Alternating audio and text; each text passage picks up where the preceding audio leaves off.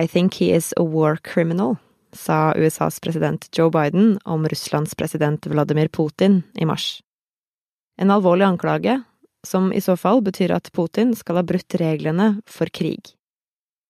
I denne reprisen fra i vår så forklarer vi hva som er reglene for krig, hvorfor de finnes, og hva som skal til for å dømme en statsleder for krigsforbrytelser.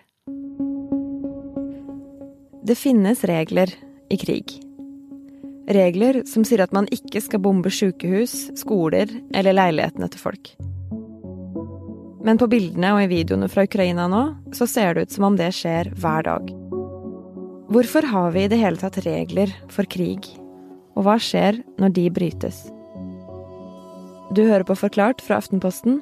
Jeg heter Anne Lindholm, og i dag er det tirsdag 22. mars.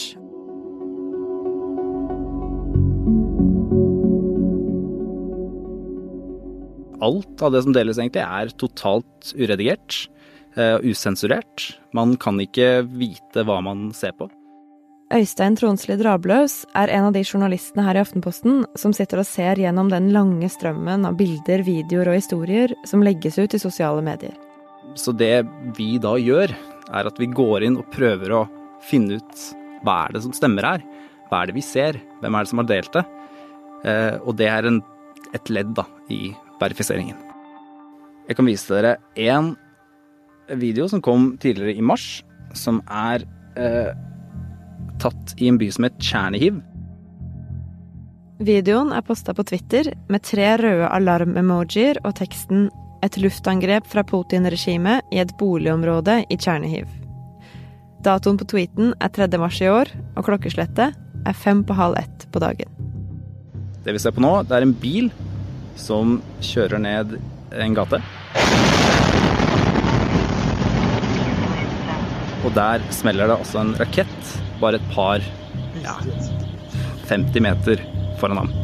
Eh, han får litt panikk, lurer på hva han skal gjøre, og ender opp med å snu bilen og kjøre vekk.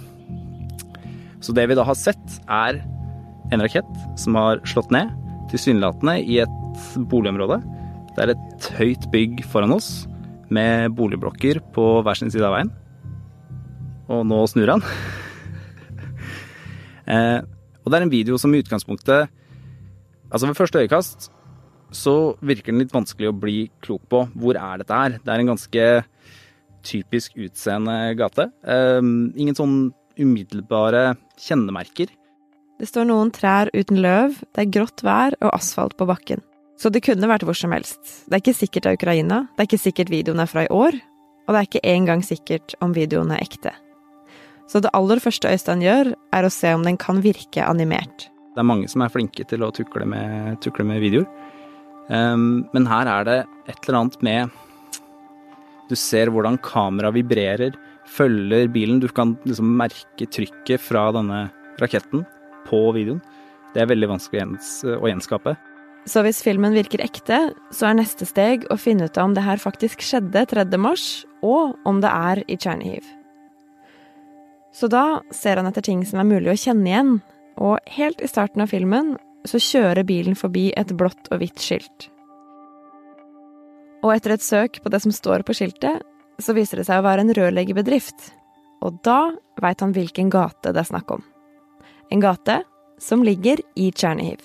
Vi tar og snurrer oss rundt i gata. Vi ser jo det høye bygget eh, bak trærne her. Det ser vi. Vi ser også det røde bygget som er ved siden av her. Og ser jo at alle byggene rundt matcher. Eh, vi kan være veldig sikre på at det er her.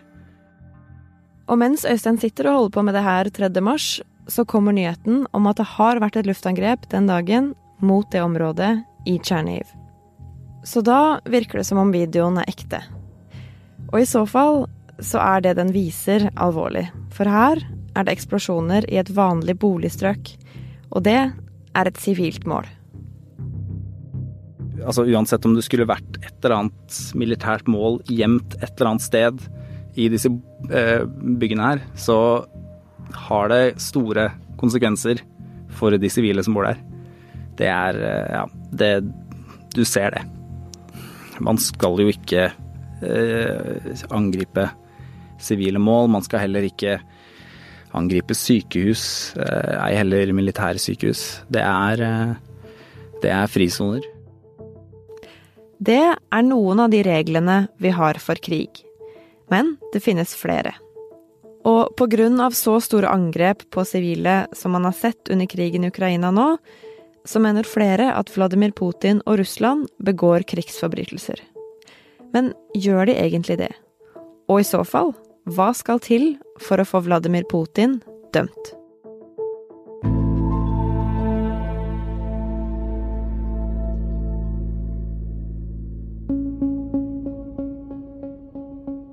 Så når vi snakker om krigsforbrytelser, så er vi også nødt til å snakke om folkeretten.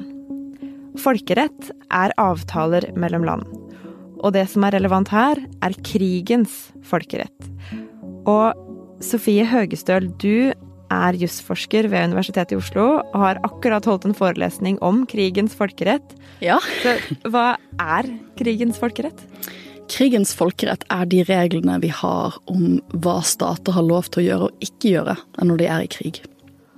Og hvorfor finnes det regler for krig?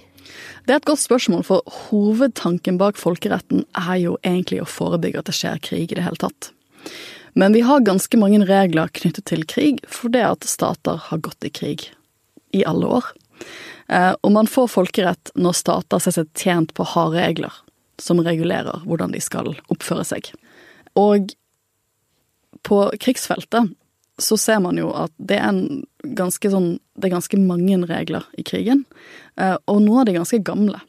Og det handler nok om at på et eller annet tidspunkt på sent på 1800-tallet så innser land at nå har vi utviklet våpen som er så ille at vi er begge tjent på at man ikke bruker det i krig. Så da får man liksom de første internasjonale traktatene, altså de internasjonale reglene rundt dette, er nedskrevet. Så du sa vi har regler for krig eh, fordi stater går til krig. Men kunne man ikke bare vært enige om å forby krig overhodet? Man har jo egentlig jobbet med regler for det. Hvis vi ser tilbake, så var det slik at tilbake på 1700-1800-tallet så tenkte stater at eh, det å, bruke, det å, bruke, makt som våpen, det var helt greit for å løse konflikter. Da var det litt mer sånn makten rår-stemning i verden. Men så har jo denne teknologiske utviklingen, hvor vi begynner å utvikle våpen som gjør at vi kan utslette hverandre i krig. Og krig blir mye mer farlig sånn sett. Um, og så kommer første verdenskrig, som er utløst av at um, den daværende keiseren i Tyskland går til angrepskrig. Og det endrer nok oppfatningen, i, særlig i Europa, på om den type bruk av krig skal være lov. Uh, og det ser vi også i Norge. Uh, I 1919 så endret faktisk vi grunnloven vår for frem til da så sto det i paragraf 25 av vår grunnlov at Stortinget kunne gi lo regjeringen lov til å gå til angrepskrig. Og ordet angrepskrig står, står i grunnloven. vår. Det betyr altså å gå inn i et annet land? Ja, det betyr å gå til aggressiv krig, da. Du går til krig uten at det er selvforsvar. Um, men selv om ganske mange stater snakket om det på det tidspunktet, så endret man ikke, man ikke den store folkerettsreglene rundt maktbruk. Man lagde ikke et sånt tydelig forbud mot bruk av makt i folkerettssystemet vårt. Det kommer først etter andre verdenskrig. Etter andre mm. verdenskrig så har man lært fra første verdenskrig, så tenker man ok, det må inn i FN-pakten. Så da skriver man inn i FN-pakten artikkel 2-4 et ganske sånn bredt maktforbud. Og det gjør det ulovlig å bruke væpnet makt, eller trusler om væpnet makt, mot andre stater. Men så betyr det at hvis et land går til angrep på et annet land, så er det et brudd på folkeretten? I utgangspunktet, ja. Og her er det jo lett å tenke at da er det jo greit. Da er det rett fram. Da har Russland invadert Ukraina, og så har de vel også brutt mot punktet som sier at man ikke skal gå til angrepskrig. Men det er ikke så enkelt. For Den internasjonale straffedomstolen i Haag kan ikke uten videre etterforske brudd på FN-paktens punkt om angrepskrig. For akkurat det må godkjennes av FNs sikkerhetsråd. Og der sitter Russland og kan blokkere alt sammen. Så jeg tror akkurat for aggresjonsforbrytelsen, altså selve forbrytelsen det er å invadere Ukraina, så er det nok vanskelig i dag å etterforske Putin. Men eh, så finnes det jo disse reglene som gjelder i krig. Og det er jo da krigsforbrytelser. Og det har Den internasjonale straffedomstolen lov til å etterforske. For det som har skjedd, er at vi må jo huske at denne konflikten stammer tilbake til 2014, da Russland annekterer Krim. Og på det tidspunktet så spør Ukraina den internasjonale straffedomstolen i Haag om hjelp til å etterforske krigsforbrytelser. Eh, og da begynner domstolen en forberedende gransking, bare for å se om det er noen krigsforbrytelser der som de kan etterforske. Den etterforskninga har tatt noen år, men for litt siden så sa de at det skjedde nok krigsforbrytelser under annekteringa av Krim i 2014. Og nå sier Den internasjonale straffedomstolen, eller ICC, at de også vil se på det som skjer i dag. Eh, og det er den fasen man er inne i nå. Domstolen innhenter bevis og kommer til å ta løpende vurderinger om det er nok bevis til å søke om å, å utstette det man kaller for en arrestordre, som egentlig er en tiltale, da, for de som er ansvarlig for krigsforbrytelsene i Ukraina. Og det er jo flere som mener at den som til slutt er ansvarlig her, er Russlands president Vladimir Putin. USAs president Joe Biden har allerede kalt ham en krigsforbryter da han ble spurt om det i Washington for ei uke siden. Oh, Mens statsminister Jonas Gahr Støre her i Norge ikke vil gjøre det. For flere av dem som nøler, vil vente på en tiltale eller en dom. Så Sofie, hva slags bevis trengs da for å eventuelt stille Putin for Den internasjonale straffedomstolen i Haag? Internasjonal strafferetten, som vi gjorde etter andre verdenskrig, er mest interessert i å straffe ledere for krigsforbrytelser. De er ikke så interessert i å straffe soldater på bakken, for de kan straffes via vanlige domstoler. Men det å straffe ledere, det er litt vanskeligere, for man har ofte mye, for, eh, mye, bevis på selve krigsforbrytelsene. Og det, du ser jo nå at folk på bakken aktivt henter inn bevis. Og det er litt fordi at de siste 20 årene så har vi hatt ganske mange internasjonale straffesaker. Man har lært ganske mye av det. Eh, og man har nå mange organisasjoner som har mye erfaring med å innhente bevis. Og det kan være film av bombing, det kan være bilder av russiske våpen som har blitt brukt, eller av døde mennesker. Men ifølge Sofie så er det nok ikke det å dokumentere krigsforbrytelser som blir det vanskelige her. Det som ofte er vanskelig, er det man kaller for linkbevisen. Det er bevis som linker topplederen til det som har skjedd på bakken. For det som ofte kjennetegner en toppleder i en sånn konflikt, er at de har ikke vært i nærheten av å gjennomføre disse krigsforbrytelsene fysisk. De er så ofte et helt annet sted. Eh, og da må man ha bevis på at det er de som har beordret dette på en eller annen måte. Og det, kan, eh, det har de siste 20 årene vist at det kan være litt vanskeligere å etablere. For det er jo veldig sjelden slik, det var jo tilfellet etter andre verdenskrig, men det er veldig sjelden slik at folk skriver ned 'vær så snill å begå den den krigsforbrytelsen her og her og her'. Samtidig så har jo Putin valgt å gå ut og fronte denne krigen selv. Mm. Så jeg vil jo tenke at en del av hans taler vil kunne f.eks. da kanskje brukes som bevis på at uh, han har beordret en del av disse handlingene som skjer nå. Mm. Men si at vi finner eh, nok bevis, noe bevis som kan linke nok til å i hvert fall ta ut en tiltale. Mm. Hva skjer da? Da tar Den internasjonale domstolen ut en arrestordre. Det har de gjort mot statsledere før. Og en sånn arrestordre den binder de landene som er medlem, som Norge, til å utlevere vedkommende hvis de kommer på besøk. Og det betyr at hvis da Putin eller andre personer i hans regime skulle bli tiltalt av Den internasjonale straffedomstolen, så er jo ikke Russland medlem. Så jeg kan ikke helt se for meg at Russland kommer til å utlevere de til Haag med det første. Men hvis de reiser til et medlemsland, så risikerer de å bli arrestert. Så hvis han skulle besøkt en luksusvilla i si Tyskland? Ja, så blir det vanskelig. Så det, det, er jo det vi ser at en del av disse topplederne som har blitt tiltalt av ICC, de reiser ikke så mye etter det har skjedd. For da må de holde seg til land hvor de ikke blir arrestert. Ja, for hvordan har det gått med andre som har blitt tiltalt?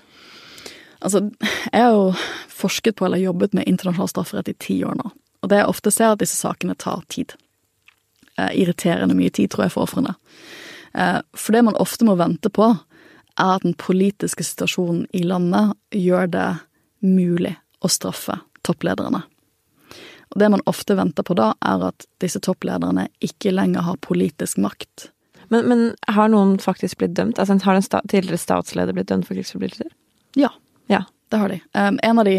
en av de sakene som jeg tenker mest på når ting ser veldig vanskelig ut, er uh, rettssaken mot den tidligere statslederen i Tsjad, Hissen Habre. Og hans ofre brukte 20-30 år for å stille han for retten. Men han ble dømt for torturforbrytelser for noen år tilbake. Ja, det tok 30 år. Men til slutt så var ikke han politisk sterk nok til å hindre at han ble straffet, så han er nå dømt. Det tror jeg sånn, det, Den saken tenker jeg ofte på, for det, det det viser, er at offeret i dag til forskjell fra kanskje for 30 år siden, de forventer at det blir et straffeoppgjør. Og de er villige til å vente, og jobbe ganske systematisk for det. Så det kommer til å ha lite å si da hvis man skulle tiltalt Putin nå. Eh, så kommer det nok ikke ta så mye å si for den krigen som pågår. Altså, han kommer nok ikke til å bli straffet i morgen. La oss si at den internasjonale straffedomstolen kommer ut med en arrestordre. Så kommer han ikke til å bli straffet med en gang. Det kommer til å ta tid hvis det skjer.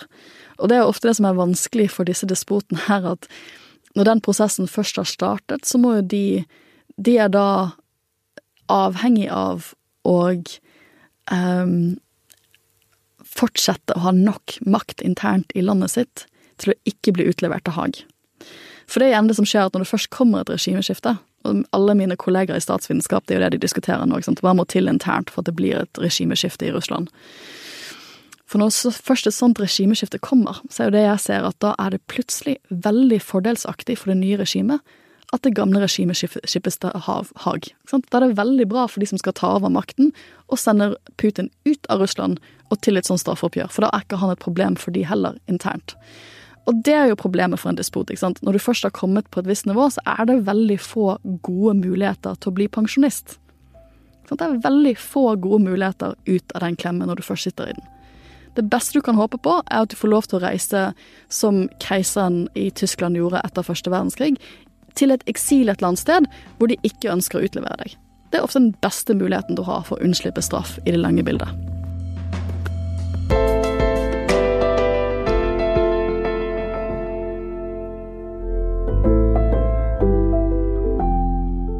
Du hørte Øystein Tronsli Drabløs og Sofie Høgestøl snakke om Ukraina og om krigens folkerett. Det er Fride Nesten Onsdag og jeg, Anne Lindholm, som har lagd episoden. Resten av Forklart er Anders Weberg, David Vekoni, Synne Søhol, Jenny Førland og Marte Spørkland. Du hørte lyd fra Twitter og fra nyhetsbyrået AP.